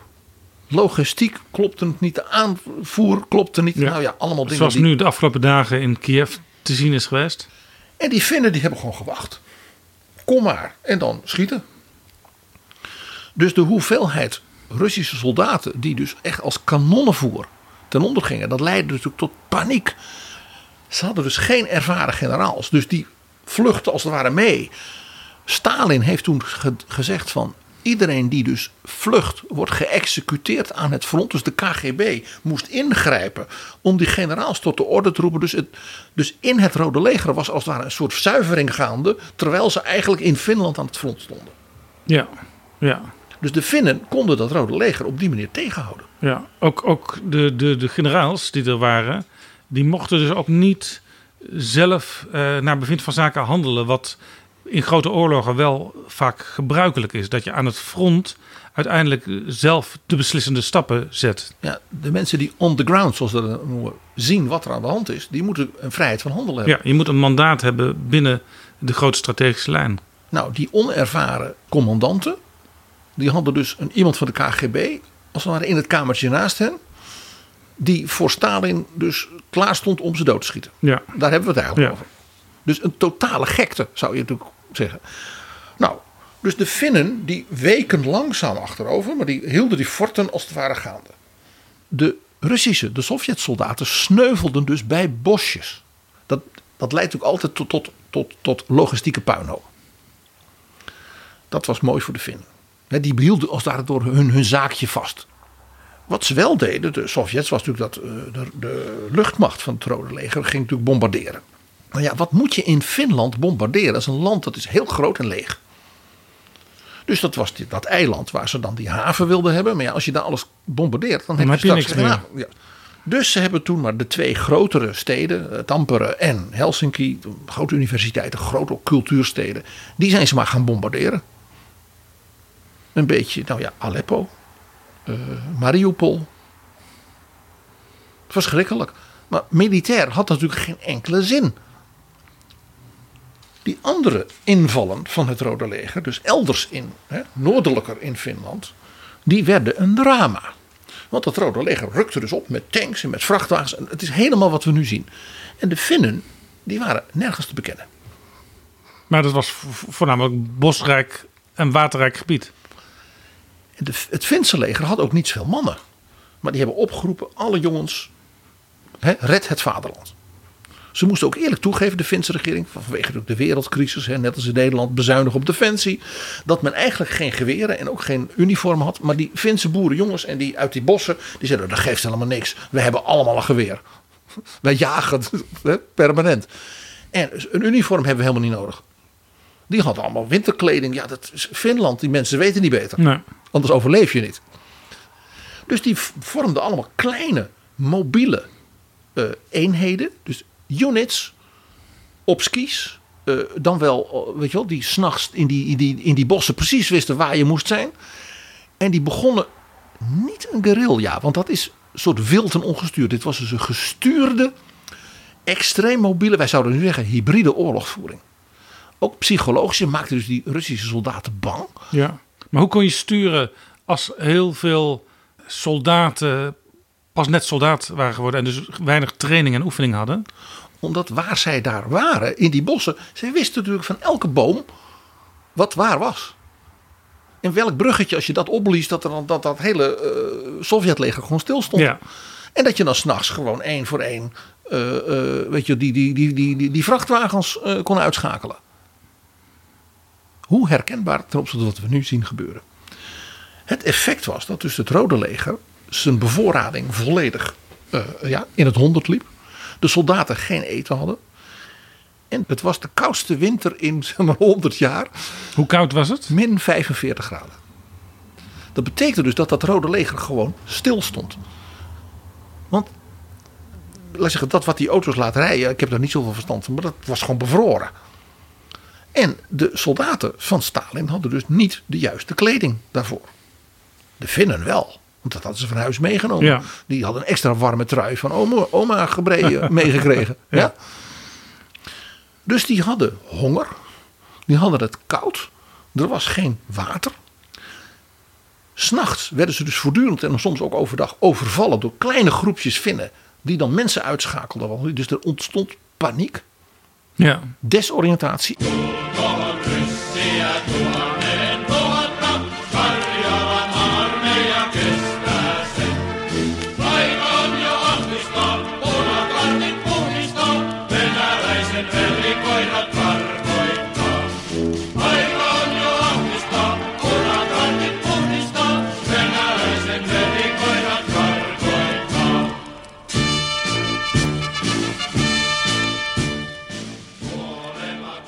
The Marching Song of the Finnish White Army. Waarin ze zingen hoe ze de Russen eronder krijgen. En onthoud, het was in de winter. Dan is het daar dus van s morgens 11 tot s middags 4 een beetje licht. Ja. En dat is het. Ja, precies. Dus er ontstond een massale desertie van de Russische soldaten. Die gingen dan maar ja, die bossen in en dan hoopten ze een boerderij tegen te komen. Of ja, een stam van lappen die dan ja, met, hun, met, hun, met hun rendieren. En dan maar smeken om ja, iets warms en iets te eten. Heel veel daarvan zijn dus nooit meer teruggekomen in de Sovjet-Unie. En ja, er is dus daar in het midden van Finland. En ook daar in dat noordelijke gedeelte bij dat eiland. zijn dus complete Sovjetlegers min of meer verdampt. Eh, om je een voorbeeld te geven. de operatie in het midden van Finland was iets van 40.000 Sovjet-soldaten. Daarvan zijn er bijna 9.000 uh, gesneuveld. Ja. En de Finnen hadden 400 slachtoffers. Ja, ja, ja precies zo'n verhouding als uh, eerder in dat verhaal over uh, Rusland versus Japan. En wat we nu dus ook weer in Oekraïne zien gebeuren. Als, en, als de cijfers kloppen, ja. dat weet je natuurlijk nooit. De, de, de, de Finse troepen namen dus ja, dan niet met die, van, die, van, die, van die trekkers, maar uh, hè, ik zal maar zeggen nu met rendieren of zo. Tientallen tanks, uh, alle mogelijke spullen die, dus, die, ja, die ze gewoon achterlieten. Uh, en wat waar ze heel blij mee waren, ongeveer 2000 paarden. die namen de Finnen ook mee. en natuurlijk heel veel ja, spullen die de Finnen ook niet hadden. Namelijk genoeg ammunitie, ja. dingen. En ze hebben dus ook alle, weet het, hoe noem je dat? Geweren? Ze, ze, nee, ze hebben ook alle medische bataljons van het Rode Leger overvallen. Gemeen, slim. Want dan hadden zij die spullen en de Sovjet-soldaten dus niet. Ja, je zou nu zeggen, als je heel netjes bent, dat is in strijd met het oorlogsrecht. Uh, ja, maar dat was die hele oorlog waarschijnlijk. Nou, de hele wereld keek natuurlijk via de pers vanuit Helsinki toe, zoals we nu de hele wereld natuurlijk vanuit Kiev toekijkt. En ja, de Finnen kregen een reputatie van ja, een heldenvolk. En die versloegen dat Rode Leger. En die beeldvorming waar we het aan het begin over hadden. Van de onverslaanbare tsarenlegeren. Die stoomwals van Stalin. En die paar Finnen hè, op hun skis en in hun warme truien. Die hakten ze in de pan. Ja. Nou, Stalin was, heeft toen zijn generaals bij zich geroepen in het Kremlin. Heeft dat, dat, waren, dat waren dus allemaal generaals die weer de opvolgers waren van de al eerder ontslagen of zelfs geliquideerde generaals. Ja. En hij zat niet aan zo'n hele grote tafel dat iedereen verder weg was. maar daar doet het wel aan denken. Ja. Hij heeft ze dus helemaal uitgevoeterd. En heeft gezegd, het moet helemaal over. En uh, er moet een andere strategie komen.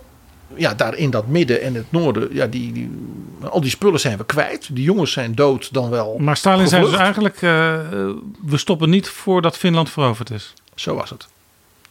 Toen heeft hij dus het uh, Sovjetleger opnieuw op die, zeg maar daar in het zuiden.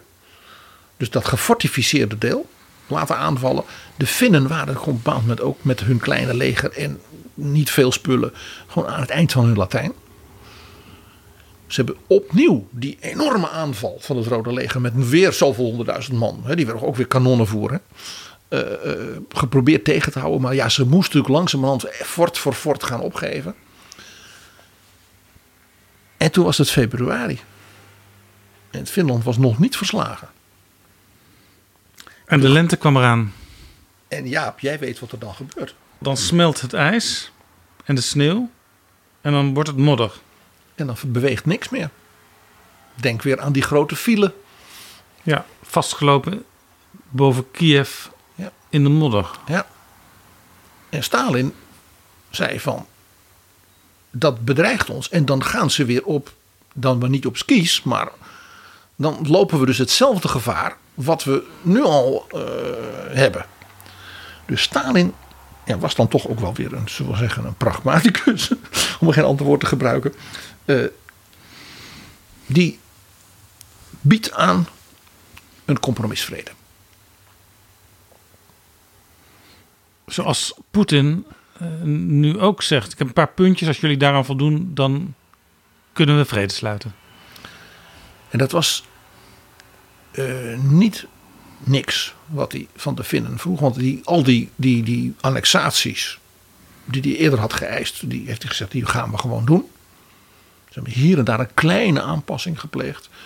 Uh, Finland bleef wel een onafhankelijk land. Hè, dus het mocht wel min of meer vrij blijven. De Finse regering moest wel altijd worden goedgekeurd door het Kremlin. Ook na de verkiezingen. Er waren wel vrije verkiezingen. En Finland moest natuurlijk toch als een soort geopolitieke ja, vazal. Ja. En dit kon Stalin dus ook echt eisen, omdat hij zijn, zijn, wat er nog van zijn leger eh, niet was ingezet, nu allemaal daar bij Finland inzetten. Hij wist, het zal heel moeilijk zijn, zo niet onmogelijk, om Finland permanent te bezetten. Dat kon niet. Maar ik kan wel zorgen dat het een land wordt wat echt als buffer functioneert. En wat niets doet wat mij in de problemen brengt. En dat de reputatie die ik als de worst, de leider, en die het Rode Leger als grote, machtige operatie natuurlijk zo pijnlijk ja, daar in die bossen heeft zien ruïneren, dat dat eh, wordt weggepoetst doordat ik ze dwing tot een vrede zoals ik dat wil. En toen heeft dus de regering van Finland gezegd: Nou ja, als we onze vrijheid kunnen behouden, dan staan we die paar eilanden wel af. En dan, eh, nou ja. Zo, zo ging dus hun nationale onafhankelijkheid en vrijheid hen aan het hart. En president Kyösti Kallio van Finland, die heeft tot het laatst tegen de regering gezegd: Ik ga het niet doen. Wij gaan ons land niet aan Moskou uitleveren. Dat hebben de ministers gezegd: "Eh, Meneer de president, we kunnen niet anders. Toen- En hij moest tekenen. Dat is een geweldig verhaal dat hij dus in. Toen kwam dus het officiële stuk met de, zeg maar, de Russische ambassadeur. Toen heeft hij de pen gepakt. Toen heeft hij gezegd: Mogen de hand verdorren die dit monsterlijke papier tekent. Ja, dat was dus een, een, een- ja, eigenlijk nog een vloek aan zichzelf gericht. Hij nam dus die vloek op zich, hè, zijn eigen vervloeking, voor Finland. Ja, ja, en de Finnen die nu in 2022 eh, dromen van NAVO-lidmaatschap, Ja. die hebben, nou ja, ze, hebben al die tijd eh, in, in vrede kunnen leven. Eh, maar bijvoorbeeld een, een boek als de Gulag-archipel mocht niet in Finland verkocht worden. Nee. Dus er waren wel degelijk consequenties. Die mensen, ik zeg het nog een keer, die in dit land en in West-Europa met gemak praten over, ja, met zo'n Poetin moet je moet een bufferstaat gunnen. Ze weten niet waar ze het over hebben. De Finnen, wat dus een heel verstandig en ingetogen volk is, hebben dus tot de dag van vandaag gezegd: wij worden geen lid van de NATO. Uit herinnering en misschien ook wel respect voor dat verleden. En het feit dat ze nu zeggen: wij willen in de NATO. En zo zelfs de Zweden ook. Ja? Dat zegt dus iets van hoe dit hen ook aangrijpt. Ja, ja, en er is ook een grote waarschijnlijkheid dat als Finland eh, echt een, een, een aanvraag doet om de Na- NAVO-lid te worden, eh, dat ze dat samen doen met de Zweden. Ja. En eh, voor de NATO, de EU, zou het natuurlijk goed zijn. Want er zijn weinig landen die bijvoorbeeld als het gaat om cyberwar technologie zo goed zijn als de Finnen en de Zweden. Ja.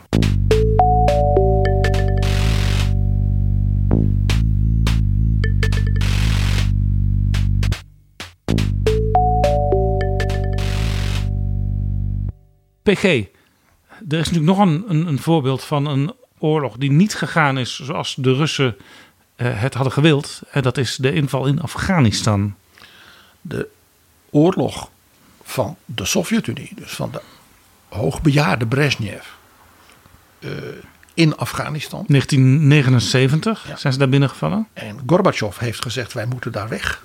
En dat is uiteindelijk in 1989 ook gebeurd. Dat is natuurlijk het grote trauma nu nog. Dat herinnert men zich natuurlijk nog letterlijk. Elk dorp in Rusland heeft een graf of zoiets van een jongen die gesneuveld is. Ja, en het Westen weet nu trouwens ook dat het eh, ja, bijkans onmogelijk is om Afghanistan echt onder de duim te krijgen. De Britten wisten dat al heel lang. De, de enige die dat is zijn geslaagd zijn, ja, de Mughal-keizers van India, in de 16e, 17e eeuw, waar we het een keer over gaan hebben. Nou, je weet, de Mujahideen, ja, die deden natuurlijk dingen die wij nu ook weer herkennen. Die hadden dan Stinger-raketten. En ja, die, die verborgen zich dan en schoten dan die Russische helikopters uit de lucht. Ja, ja. En die tanks, ja, die kon je in die bergpas in Afghanistan, daar kon je niks mee. Nee, nee en, en dat trauma van Afghanistan, dat droeg ook bij tot de val van de Sovjet-Unie. Absoluut. Ja. De, de psychologie eh, ging richting het nulpunt. De psychologische trots van eh, het Sovjetvolk. Ja, het was dus duidelijk dat de Sovjet-Unie militair eh, gewoon niet meer kon. En dat was wat Gorbachev natuurlijk goed zag. Om een idee te geven waarom ook Afghanistan ook nu weer zo ja, in de herinnering van mensen leeft. Er was sprake daar van massale desertie. In zekere zin als in Finland, maar dan weer anders. Dat waren dus, dus uh, Sovjet-soldaten uit de moslimrepublieken. Oezbekistan, Kirgizië en Ja, dergelijke. die in feite geconfronteerd werden met hun eigen, wat je dan noemt, broedervolk. Ja, geloofsbroeders. Zoals nu Russen in Oekraïne met hun Oekraïense broeders geconfronteerd worden. Niet alleen Russen in Oekraïne, maar ook eh, Oekraïners die toch cultureel zich verbonden voelen met elkaar. Poetin zegt zelf, we zijn één volk. Vanuit de orthodoxie. We hebben het erover gehad, ja. Vanuit Kiev in het jaar, vlak voor het jaar 1000. Dat was dus in Afghanistan voor die islamitische Sovjet-soldaten een, natuurlijk een schok, een confrontatie. Nou, om je een idee te geven, ik zei al dat het, hè, dus het is een groot trauma in Rusland, ook in, maar, in elk dorp ongeveer. In die tien jaar zijn er zo'n 15.000 eh, Russische soldaten in Afghanistan gesneuveld. Nu in Oekraïne zijn in tien dagen misschien wel al 7, 8, 9000 soldaten gesneuveld. Ja. Dus de impact hiervan Als de cijfers in kloppen, moet ik er dan altijd als journalist bij zeggen, want Tuurlijk. dat weten we gewoon niet. Ja, maar we weten wel wat ook nu de Russische pers en de, het Russische leger bekend moet maken. Dat dus dat ook in Rusland nu zijn we net zo neerdaalt in elk dorp en elke stadswijk. als die verschrikkelijke oorlog in Afghanistan. Ja, er was zelfs al een televisie-talkshow in Rusland afgelopen week. Waarin dat plotseling even aan de orde kwam. tot, tot grote onvrede van de presentator. die meteen aan die discussie een eind wilde maken. Maar er zat ook een, een oud generaal en die vertelde gewoon dat het nu helemaal niet goed gaat. met het leger van Rusland in Oekraïne. En dat was iemand die als jong officier in Afghanistan had gediend.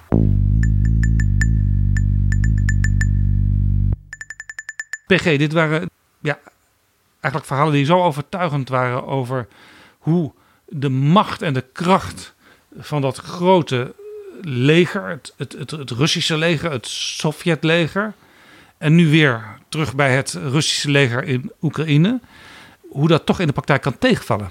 Ja, en dat dus de beeldvorming bij ons, vanuit onze herinnering, West-Europa, Tweede Wereldoorlog, Koude Oorlog, dat die dus in de geschiedenis veel meer ja, gerelativeerd, genuanceerd moet worden.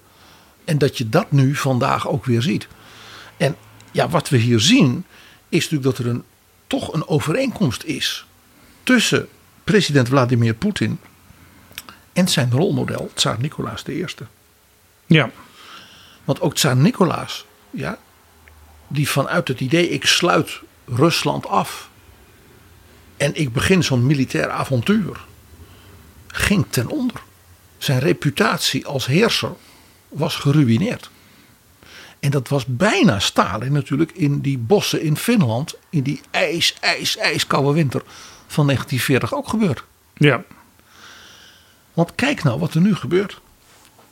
De inval in Oekraïne is geen blitzkrieg geworden. Nee, het is een snelle, paar speciale operatie, het woord alleen al. Eh, het is ook dus geen bevrijding van een juichend broedervolk. En het is alles behalve een regime change, zoals het ook in Finland niet lukte.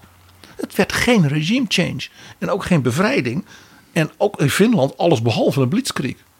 Dan het beeld, zowel bij de tsaar als bij Stalin. Dat je voor een groot ideaal, dat enorme leger en jij verovert. Poetin die in zijn enorme lange toespraak vertelde over de orthodoxie. de wortels in Kiev. We zijn één volk. Poetin haalt nu huurlingen van Assad en Tsjetsjenen van Kadyrov dus naar Oekraïne om te helpen. Dus de orthodoxe christelijke broeders van Kiev moeten dus worden overhoop geschoten, zeg ik maar even, door de, de, de huurlingen uit Syrië. Ja. Een mooie vorm van eh, broedervolk bevrijden voor het christendom. Nou, dan zien we dat de logistiek van het leger van Poetin nu doet denken aan dat van Stalin in de winteroorlog en van Brezhnev in Afghanistan. Ja, zelfs de Oekraïners die schrikken hoe belabberd de staat is van die tanks en andere spullen die hen tegemoet rijden. Ja. Ook ban- banden die al helemaal eh, versleten zijn, helemaal, helemaal uit. eh, En nou ja, ook wat we dus merken, de, wat je ziet in Oekraïne, net ook weer, ik zeg het maar als in Finland, dat dus de soldaten honger hebben. Dat de logistiek niet klopt. Ja, en dat ze het ook nog eh, in Finland ook verschrikkelijk koud hadden. En dus wat we zien, dat dus Russische soldaten, als ze dan een dorp of een klein stadje in eh, Oekraïne binnenrijden, dat ze dan hun spullen parkeren op het plein, dat er twee, drie kerels met een geweer staan en dat ze allemaal de, de supermarkt inhollen Ja, ja ik om, zag, om eten te halen. ik zag eh, deze week een vrachtwagen van Russen die werd geplunderd door Oekraïners. Er zaten allemaal voedselpakketten voor die soldaten van Rusland in. Maar ja, ik denk, ja, misschien als de Oekraïners niks anders meer hebben. Maar ik denk dat het niet tevreden is wat daarin zit. Nou, ik heb een filmpje gezien waarbij de Oekraïners zeiden. Verloopdatum 2015. Dus dat gaat niet in de bonus van Albert Heijn Nee, dit weekend. Nee, nee. En die, vent, dus die Oekraïners zeiden dat is niet te vreten. Dus die Ja. gooiden dat weg. Geen hamsterweken. Nee. Nou, dan nog een punt. Wat natuurlijk weer ook sterk doet denken aan wat er gebeurde in de oorlog met Japan. De gewone Russische jongens, de matrozen van de tsaar. eh, in de bossen in Finland, de soldaten van Stalin. Die werden gewoon als kanonnenvoer Ja. Hè, die jongens die, met duizenden ja, verdronken ze in de zee van, van, van, van Korea bij Tsushima. Dat zien we dus. Hè, en Poetin die dus riep, nee, geen dienstplichtige. En toen moest hij ineens toegeven, ja, dat is toch wel gebeurd. ja, per ongeluk zijn er ook wat dienstplichtigen Ja. afgevaardigd. Ja. Dus wat je hier nu ziet is dat het imperium met zijn grootsheid, ook historisch en cultureel, niet wordt hersteld. Dat de welvaart, hè, denk aan de grote demonstraties ja, in 1905 met de bloedzondag van de hongerende bevolking van Petersburg. Dat dus die welvaart niet wordt hersteld. Dus de Russische economie stort volledig in. In dat opzicht is het dus nu weer een beetje 1905. Ja. En daarmee, dat is wat ik zei, dus de tragiek van Poetin is dat hij deels dus op Tsaar Nicolaas lijkt. De Tsaar Nicolaas van de Krimoorlog. En dat hij aan de andere kant doet wat hij de Russen heeft beloofd. Ik herstel de glorie van de Sovjet-Unie. Nou, dat doet hij inderdaad. Een militaire moloch heeft hij, Ja. die in verval is. Waarbij de mensen dus economisch instorten en het land bankroet is. En ook de legenschappen van de Sovjet-Unie zijn dan weer terug. Niks te krijgen. Je staat in de rij omdat je denkt, daar staan mensen in de rij, dus ik ga er ook maar in staan. Eh, Want eh, wie weet eh, kan ik iets mee naar huis nemen voor vanavond. PG, deze inval die kon pas plaatsvinden na 20 februari, omdat Xi Jinping tegen Poetin had gezegd: dan zijn de winterspelen, de Olympische Spelen voorbij. En dan heb ik er geen last van. Maar er is nog een andere datum. Говорит и показывает Москва. Слушайте и смотрите Красную площадь. Парад Победы!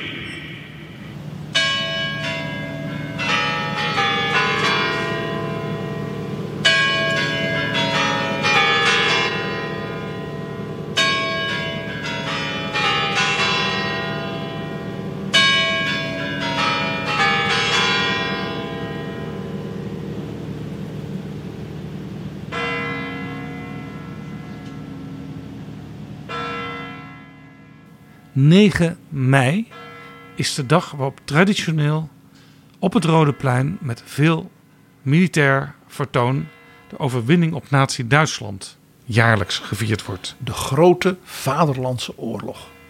En dat gaat altijd door, die 9e mei. Dus ook dit jaar moet die plaatsvinden. En ik neem aan dat Poetin daar toch ook graag een aantal generaals heeft en, en militairen die actief zijn geweest nu in Oekraïne. Hij zal daar het Russische leger ja, willen laten shinen. Met helden uit Syrië. En helden uit Oekraïne.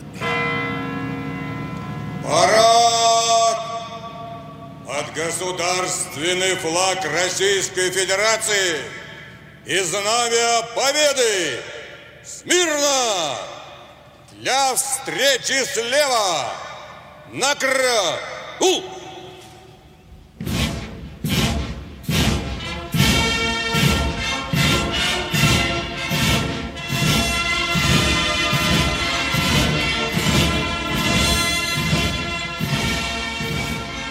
Nou, eh, als hij niet oppast, heeft hij niet genoeg materiaal om over het Rode Plein mooi blink, blinkend te rijden. Nee.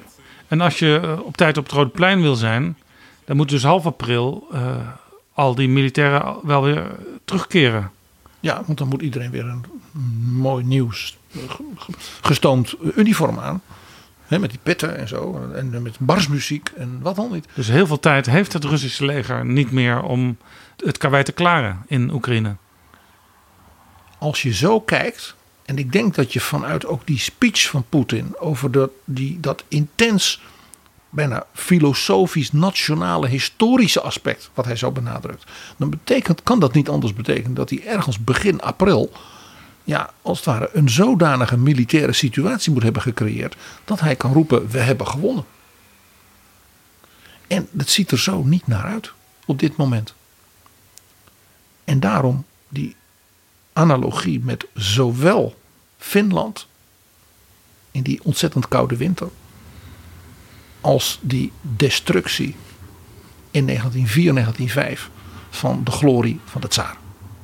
Dankjewel, PG.